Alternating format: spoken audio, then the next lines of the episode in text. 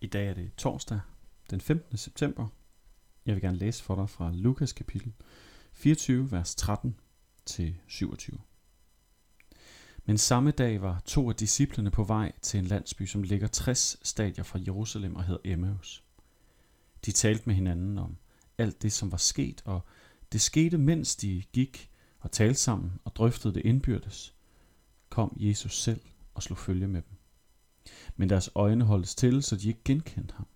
Han spurgte dem, hvad er det, I går og drøfter med hinanden? De stansede og så bedrøvet ud, og den ene af dem, Kleofas hed han, svarede, er du den eneste tilrejsende i Jerusalem, der ikke ved, hvad der er sket i byen i de her dage? Hvad da? spurgte han. De svarede, det med Jesus fra Nazareth, som var en profet mægtig i gerning og ord over for Gud og hele folket. Hvordan vores ypperste præster og rådsager har udleveret ham til dødsstraf og korsfæstet ham. Og vi havde håbet på, at det var ham, der skulle forløse Israel. Men til alt dette kommer, at det i dag er tredje dag, siden det skete, og nu har nogle af kvinderne i blandt os forfærdet os. De var tidligt i morges ude ved graven, men fandt ikke hans læmer, kom tilbage og fortalte, at de i et syn havde set engle, som sagde, at han lever. Nogle af dem, der er sammen med os, gik så ud til graven og fandt det sådan, som kvinderne havde sagt det, men ham selv så de ikke. Da sagde Jesus til dem, I uforstandige, så dem til at tro på alt det, profeterne har talt. Skulle Kristus ikke lide dette og gå ind til sin herlighed? Og han begyndte med Moses og alle profeterne og udlagde for dem, hvad der stod om ham i alle skrifterne.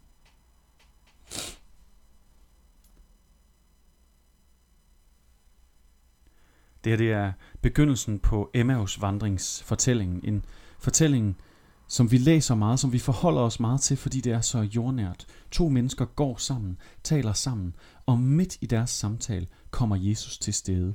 Det er jo så smukt, så skønt, og et billede præster og prædikanter ofte bruger på, hvordan det er at følges med andre troende.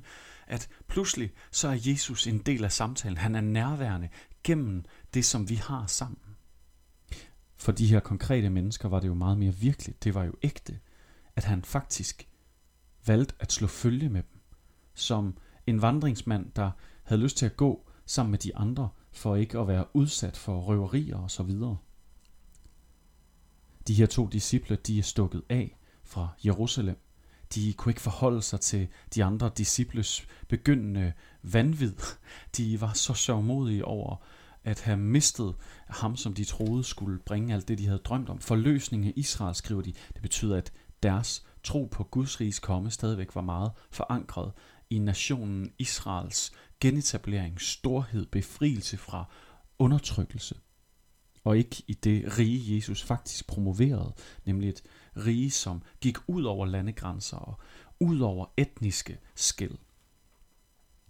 Jesus slår følge med dem, og han lytter til dem. Det er virkeligt. Han lytter til dem. Og han hører på, hvor forvirret de er. Deres tvivl, deres skepsis. Han hører, hvordan de er så modige over, de havde håbet, det var ham, der kunne løse deres drømme.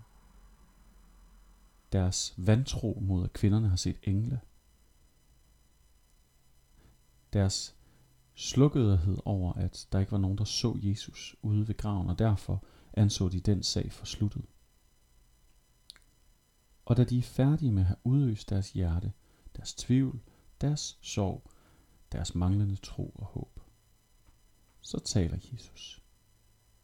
Det kan virke som hårde ord, men det er jo sandt, når han kalder dem uforstandige.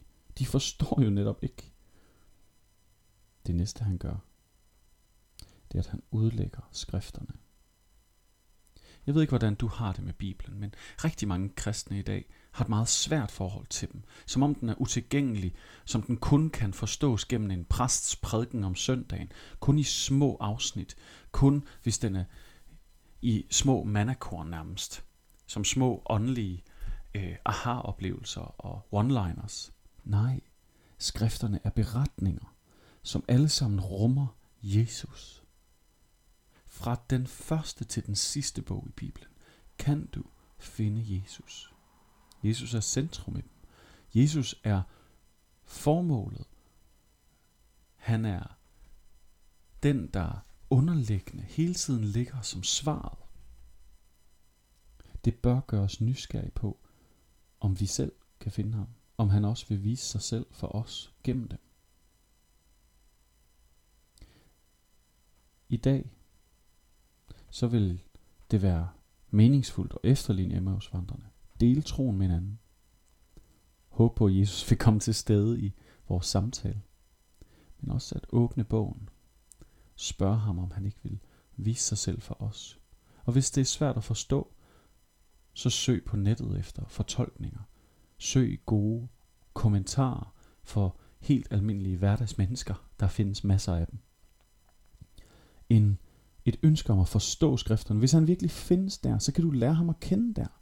Hvem har ikke lyst til det? Særligt dem selvfølgelig, der tror på ham. Lad os bede sammen. Herre, tak fordi du også slår følge med os, ligesom du slog følge med to øh, demotiverede, opgivende disciple den dag på vej mod Emmaus. Tak fordi du lader os dele vores tvivl, vores sorg, vores tro. Tak fordi at du også taler til os. Og tak fordi vi kan lære dig at kende gennem Bibelen. Amen. Kan I have en rigtig skøn